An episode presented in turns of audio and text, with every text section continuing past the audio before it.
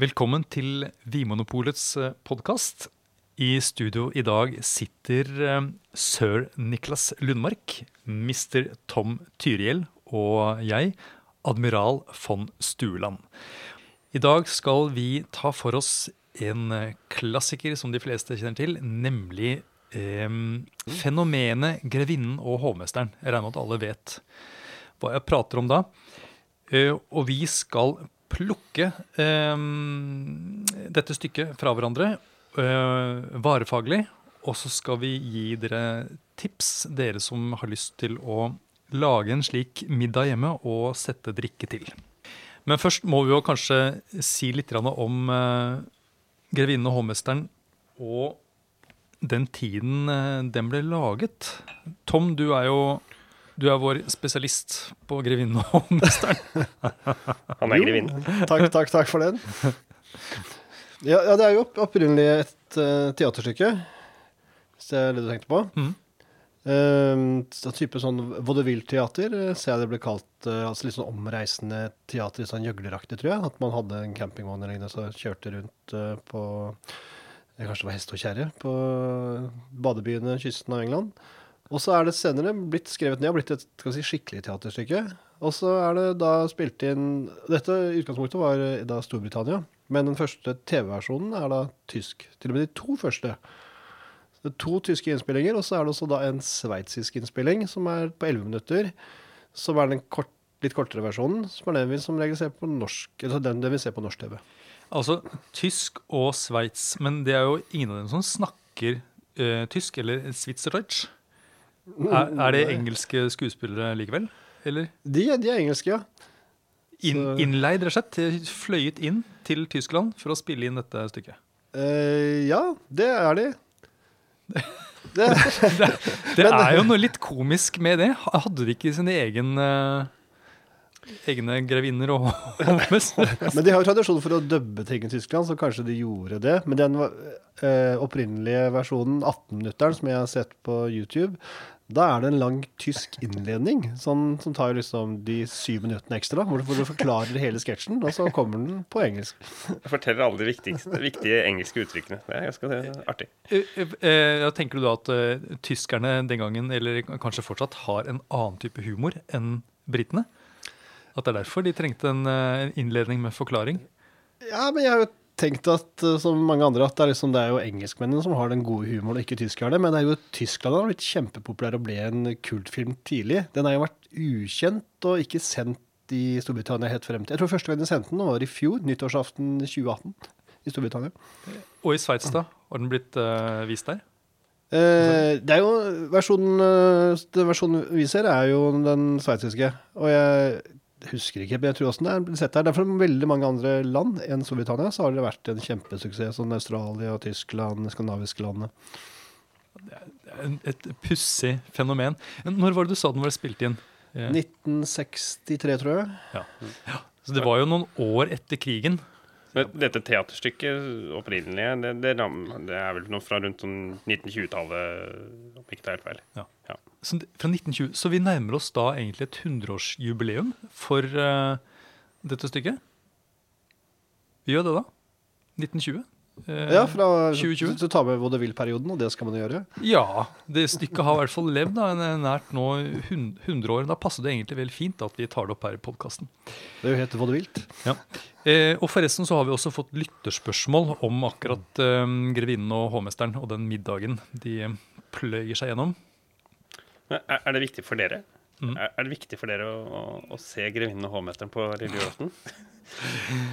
Nei, vet du, jeg synes, når jeg var liten, så var det jo en greie. Det var jo en del av liksom, julerutinen. Men så kjente jeg at jeg gikk litt lei. Men nå har jeg på en måte funnet litt tilbake igjen gleden med å se grevinnen og hovmesteren. Ja, samme her. Jeg stopper jo gjerne Du stopper jo i sånn trepynter kan jeg være oppi, for å sånn, ta det avbrekket og se denne. For det var en undersøkelse for noen år siden eh, hvor det var eh, 70% av alle nordmenn må se Grevinnen og hovmesteren på lille julaften.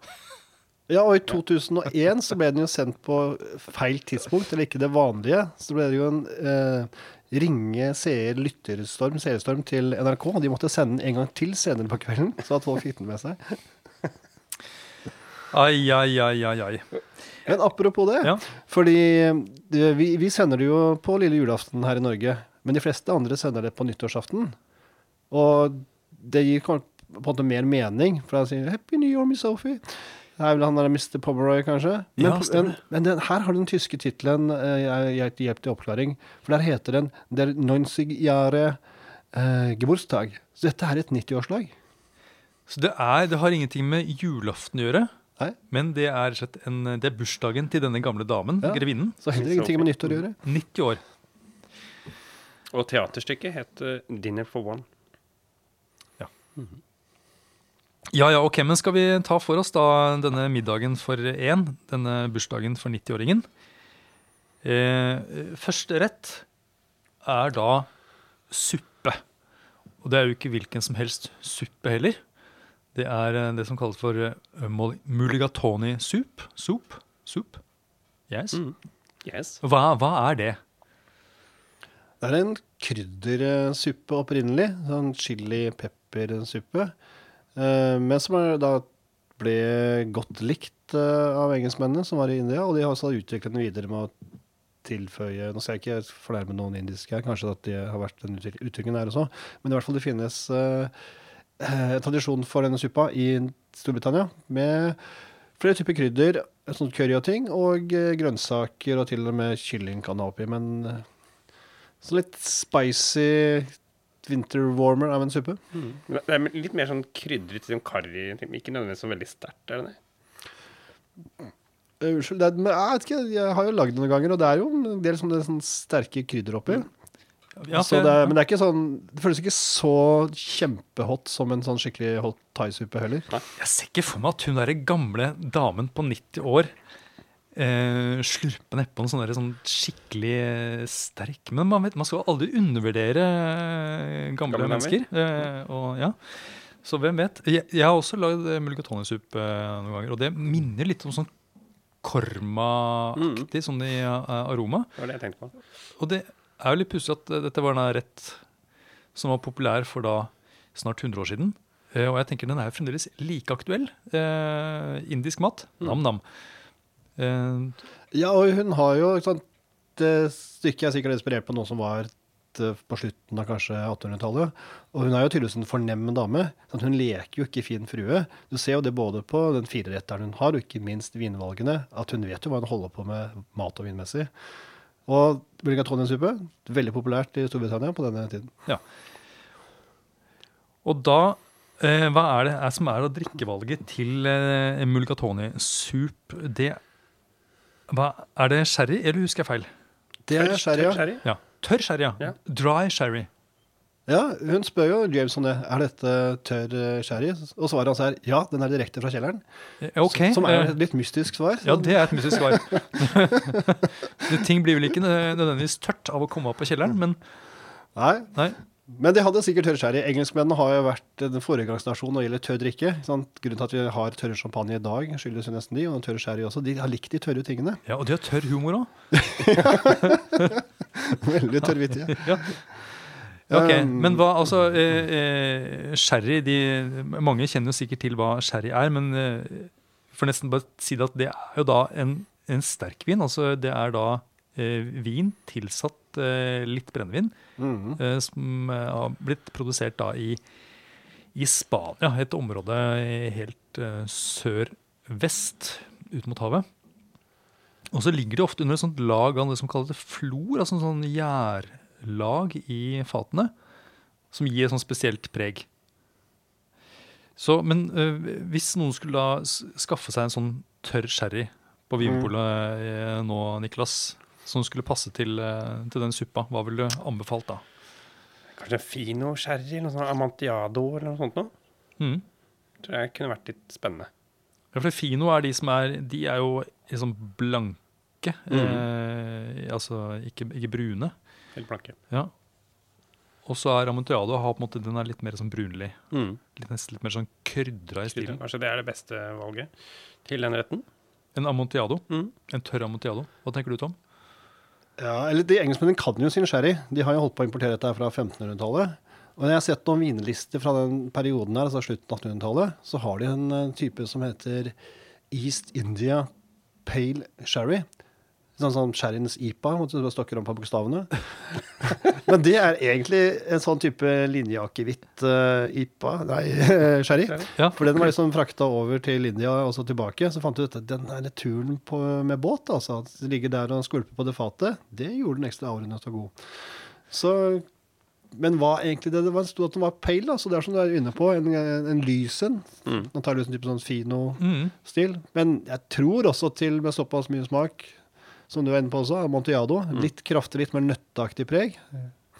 Så Ja, for når du snakker om den der Pale India-saken, den som har blitt skippet ned til India og tilbake igjen, mm. så tenker jeg da må det jo ha skjedd noe der i denne varmen og den skalpingen, at den har blitt litt mer eh, oksidert i stilen. Så kanskje det var en vin som nærmet seg Amontillado sånn stilmessig. kanskje heller det, ja. Ja. Sånn, den turen ville nok gjort den litt brunere og mer nøtteaktig enn det som er dagens finord. Mm.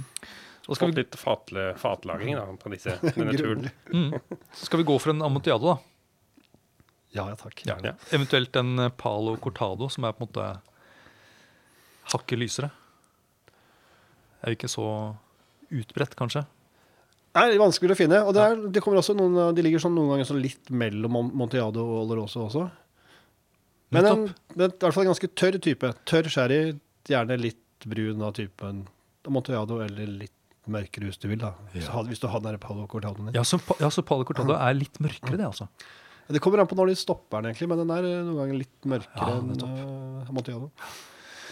Sherry, det er jo undervurdert. Absolutt. Uh, men, uh, så det, på en måte, det er da det hva skal jeg si, klassiske valget. Men uh, hvis dere nå på en måte eh, ser helt bort ifra det som eh, blir drukket da eh, i uh, 'Grevinne og hovmesteren', hva ville dere valgt eh, til mulligatawny-sup hvis dere kunne velge helt fritt?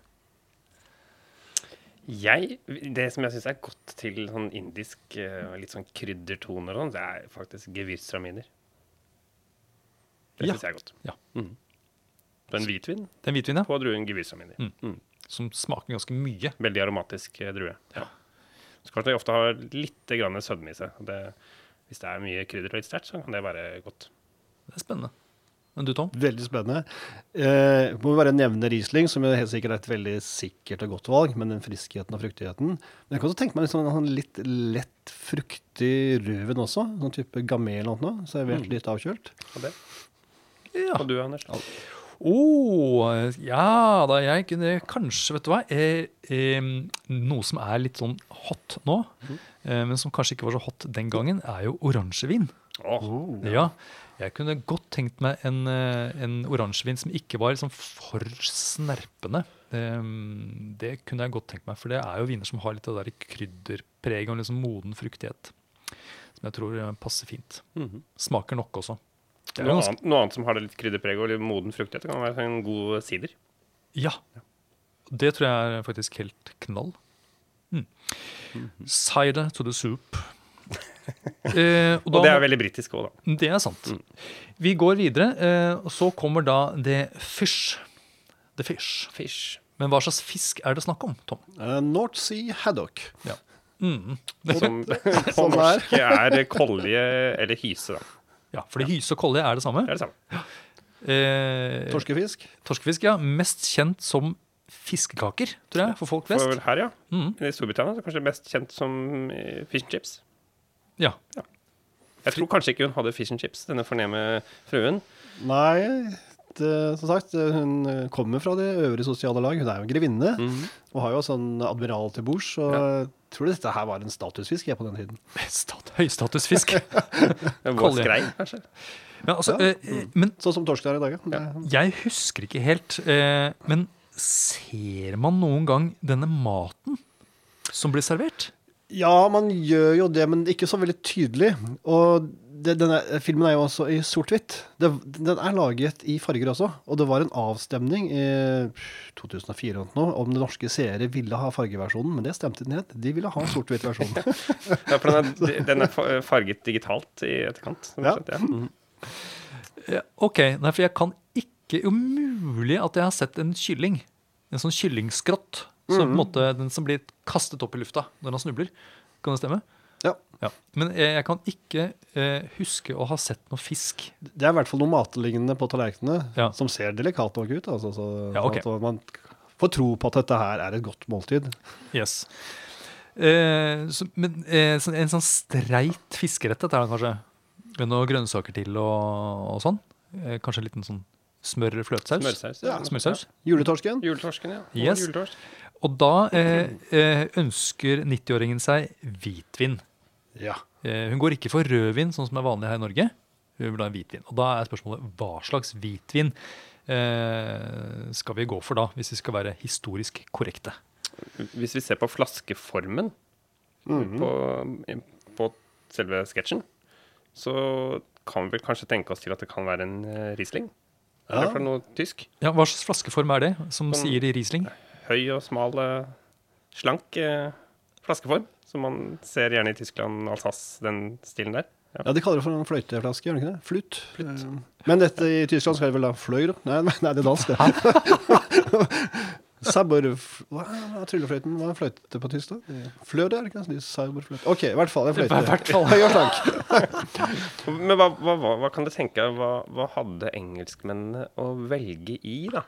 Av eh, eh, hvitvin på den tiden der?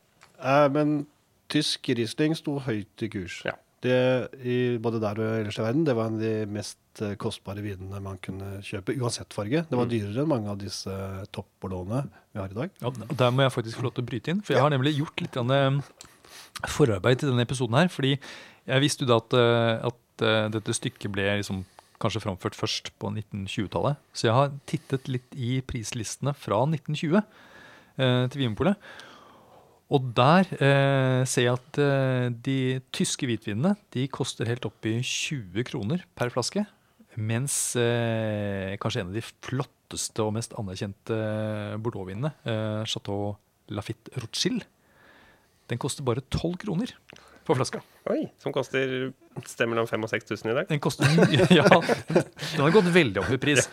Eh, så, mens eh, de tyske hvitvinene de eh, er jo fremdeles eh, relativt bra prisa. Mm. Så det, ja. Hva vil det, hva, hva, var, det, var det søt Riesling, tror dere, eller var det tørt? Eller? Um, det var jo mye tørr Riesling også. Starten på disse store tyske vinene var jo at de var tørre. Og så har det vært en del sånn søtlige ting imellom, og så er det tilbake som tørre. Det finnes også toppsøt Riesling, det er ikke det. Og det det vel var mye å snakke om, var jo Hochen, altså en Hoch, som er da eh, tysk eh, hvitvin, som regel Riesling, fra området Hochheim i Rheingau, altså en vine, vinområde i Tyskland. Men det brukes også generelt om vin fra Rheingau eller Tyskland. Men jeg tror sånn erkehochen er jo fra Hochheim. Så, så engelskmennene på den tiden eller gamle de gikk rundt da og ba om en flaske med Hoch. Og det, det betydde da en, en tørr uh, tysk hvitvin uh, av, Riesling. Aller helst fra uh, Rheingau. Rheinhessen og disse områdene.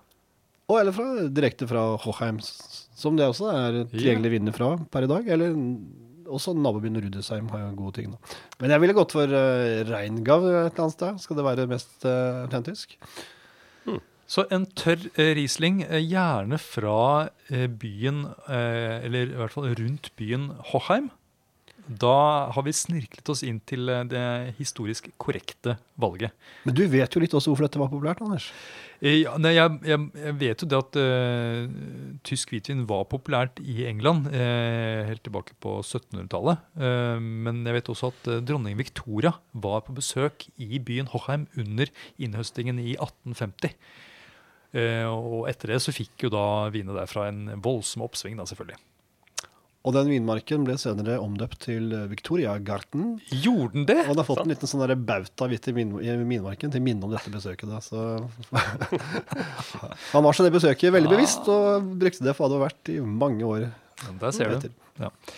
Ok, men eh, så må vi da eh, spole oss fram til eh, nåtiden. Mhm. Eh, hvis, dere hvis dere fikk velge fritt, hva ville dere valgt til hyse med eh, eh, grønnsaker og smørsaus? Jeg, jeg, siden det er en liksom, britisk eh, grevinne her, så hadde jeg valgt en stille britisk chardonnay. Ah, Det er spennende. Det er uh, up and coming. Mm. Ikke så mye å velge i, men uh, det kommer mer. Vi skal lansere mer uh, neste år, i mai. Mm. Og det er viner som minner De er friske. Minner er- litt om Chablis. Minner litt om Chablis, ja. Enn du, Tom? Mm, ah, jeg tror jeg kanskje ville tatt noe Chenin Blanc. Ikke Sauvignon Blanc, men Chenin Blanc fra, fra Loire. En uh, drue som sies jo å ha, og jeg vet også det, at den har mange likheter med Riesling, men kanskje litt mer fylde. Ikke så mye friskhet. Og litt sånne urteaktige ting som spiller på godt lag med grønnsakene her. For de er vel her, er det ikke det? det. Regner med at hun spiser grønnsaker, ja. ja. Du, Anders?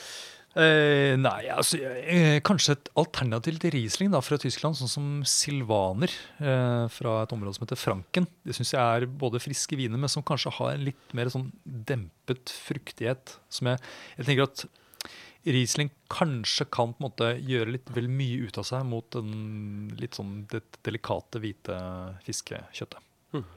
Og så er det mange som vil ha rødvin, da. Nå drikker hun eh, hvitvin. Men eh, det er jo rødvin til torsken ofte. Til og med Bordeaux. Ja. Eller skal vi bare droppe det og så gå videre? Nei, eh, jeg, er- jeg er veldig usikker på akkurat det, men eh, jeg skal ikke nekte folk. Og, Nei, i hvert fall velge en rødvin med lite snerp. mm. Men kanskje heller ta en Cabernet Franc fra Loire igjen, da, som er sånn, minner litt om disse Bordeaux-vinene, hvis man liker det, men som er litt saftere og ikke så tørre, hvis man kan si det sånn. Ja. Så, ja, ja. Eller Why en not? eh, pinot noir fra Ja. England. Yes. Ok, vi må gå videre. Vi eh, har da en, den tredje retten, eh, som da er The Bird. Og da er vi vel rimelig sikre på at det er kylling, for de sier vel Sier de chicken? ja, det sies. Ja. Ja. Og da er det ser ut grei. som en kylling opp på det vi kan se på, på Ja. TV. Som er en veldig liten kalkun. Og En igjen, og igjen så er jeg usikker på hva slags, eh, hva slags eh, garnityr. Og jeg tenker også eh, de fleste kunder som kommer inn i en vinmonopolbutikk og sier at jeg skal ha drikke til kylling, blir jo da parert med spørsmålet hva skal du ha til, eller hva slags saus har du til? Eh, så hva på en måte, hvordan serveres denne kyllingen? Det sies det ikke noe om. Men jeg vil bare først og fremst prise dama for at hun velger champagne til kylling. Det, er, jo ikke, lenge siden føler jeg da, at man liksom overbeviste folk om at du kan bruke champagne til mat. Og det gjelder liksom til hele den der verdensscenen for eh, gastronomien. At det, liksom, var en aperitiffvin, det. Og så gikk man over til hvitvin og rødvin når man skulle liksom begynne å spise. Men at det endelig er kommet på kartet igjen som en matvin, og at hun dama her for 100 år siden gjør dette, det er fantastisk. Og det viser jo hvor peil hun hadde. Og det er ikke så overraskende. For på slutten av 1800-tallet så var det så at de som styrte innkjøp og forvaltning av eh, vinene i, i øvre middelklasse og eh, i overklassen, det var kvinnene. Det var en del av husholdningen. Så de skulle ha greie på dette. De skulle gjøre de riktige innkjøpene. Og det finnes en bok av en annen Mrs. Beaton, som er liksom det uh, Household Management, hvor det står om sånn type ting. Tips for å liksom både kjøpe inn, og hva man skal sette til de ulike rettene. Så hun er oppdatert. Litt sånn Skjønberg Erken-aktig. Ja, nettopp. Ja. Eh, til herreselskap, ta dyktig med trøfler. Tror jeg det står i Skjønberg Erken sin bok. Men den var ikke skrevet for alle samfunnslag, tydeligvis. Men okay. hva, hva tror dere hadde som tilbud? Hva, hva kan vi Var det en steke, Mm. Bakte, e bakt eple, kanskje. Det hører kanskje. epler i England. Ja, kanskje det var trøfler? Kanskje det var, Sidersaus, kanskje? ja, kanskje noen sneket inn noen sånne trøffelskiver under eh, dette kyllingskinnet. Svisker. Det høres godt ut. Ja, det Ja. Er svisker en moderne oppfinnelse? Nei, du må ha svisker Nei, det Ja, Svisker har vi hatt helt siden steinalderen. det er på. Som, en sånn frukt som ble litt sånn gammel og lå inni hulen der. Mm. Eh, OK. Eh, en ovnsbakt kylling med litt eh, frukt og grønnsaker. Hmm. Kanskje en liten trøffel under eh, Jeg føler at, huden. jeg føler at erter og rosenkål det er veldig eh, britisk, så det var helt sikkert det. Ja. OK, champagne. Hva, hva slags champagne skal man da ha til denne retten? Uh, ja, igjen, slutten av 1800-tallet så var jo champagne på topp. Liksom det var, alle de store husene produsentene var etablert. på en måte. Det var mye å velge blant. Uh, jeg har sett også en, en liste for hva som var sånn tilgjengelig i en god, god vinbutikk med den tiden der. Og da sånn det, nei, det var en herreklubb, var det. En sånn gentleman's club. Og da var det to ting det var veldig mye av. Det var eh, claret, altså lys rød bordeaux, og så var det champagne. Det hadde de sånn par og 30 flasker av hver. Og så var det de andre tingene, så var det sånn fire-fem flasker. Litt sånn chablis. Til og med en gresk vin, Jeg så ikke hva det var. Men i hvert fall utvalget var bra. Og det, de, på en liste sto det en eller annen ekstra super dry champagne. Eh, champagne. Eh, det tenker jeg kanskje blir litt tørt. Sånn at eh, til en sånn eh, julemiddag eller lignende med dette eplet eller svisketingene, så må man kanskje ha noe som er ja, ikke sødme, i hvert fall litt sånn utvikling. Litt sånn solera perpetuella, altså sånn blanding av litt ulike årganger. Mm. Men du sier ekstra, ekstra dry i dag er jo altså, Det er litt sånn forvirrende. Ekstra dry på en flat, står det på en flaske, så er ikke det eh, nødvendigvis veldig tørt. Nei, det er det ikke. Så, men der sto det ekstra super dry. Om det gjør den da søtere eller tørrere, eller det vi da kaller mer som brutt natur, da, Ja. som er uten tilsetning, det, det er godt, godt poengtert. Det, Ja, fordi champagne var jo Det var populært å drikke halvtørr champagne. Og eh, Russland, blant annet, det var et marked for veldig søt champagne, så vidt jeg har skjønt. ja, fordi sekk er jo egentlig det som betyr tørr, men sekksjampanje har jo gjerne 50 gram sukker, Mm. eller mer enn det, som nærmer seg jo ganske sånn dessertaktige ting. Ja. Mens, eh, og da engelskmennene krevde dette tørre, så fikk du først noe brutt, altså det brutale, som var da enda tørrere enn det. Men selv da hadde du en sånn 10-15-20 gram. Så hvis vi skal da gjøre det riktig her, så eh, kanskje ikke ta da en champagne som er helt knusktørr, men som har litt av denne såkalte dosasjen. Eh, og så da enten litt utvikling, eller at det er en vin som, er, eh, som har fått iblandet seg en del gamle årganger. Enten via at den har ligget i en sånn, et sånn Solera-system, Ja. eller at det er en, en sånn blandingskufé der det er mye litt sånn eldre ting med. Jeg er, for Det er de beste matvinene når man skal prøve champagne til eh, kjøtt, eh, sånn som fugl og svin og sånt noe. Skal du ha de andre som er liksom mer sånn lette og friske, så er det bedre til sjømat og sjømat naturell. naturell. Så litt utvikling. mm. Her må vi, Da må du kanskje bare rett og slett spørre i en vinmonopolbutikk. Eh, og jeg vil jo bare komme med en oppfordring at eh, det fins jo veldig veldig mye å velge nå blant eh, champagne. Mm. Og mange av de er jo relativt ukjente eh, merker for de fleste. Men eh, det er mye gull eh, rundt omkring, selv om det kanskje er et ukjent navn. Mm. Masse sånne små familieprodusenter og, lager en fantastiske champagner. Mm. Og man må jo ikke eh, nødvendigvis bruke champagne. Man kan jo bruke musserende på lag på samme måte. Ja. Som er litt rimeligere. En kremant, kremant eh, fra Loire eller Burgund eller Limoux eller Mm. Og de også har dette autolysepreget, som, Mm. vi snakker om at eh, når eh, Champagne har jo andregangsgjæring på flaske, og når de gjærrestene dør, så ligger dette bunnfallet Det blir jo på flaska, og det gir en sånn rikhet, litt mer fedme, litt mer smak i vinen. Og Det er det jeg tenker som gjør den godt egnet her. Og det får man jo også i, i større eller mindre grad også på kremant og Mm, ja. og. Fra Bourgogne eller fra, fra Limoux eller Limo, ja. Loire. Og så har vi også uh, Jura. Jura er bra.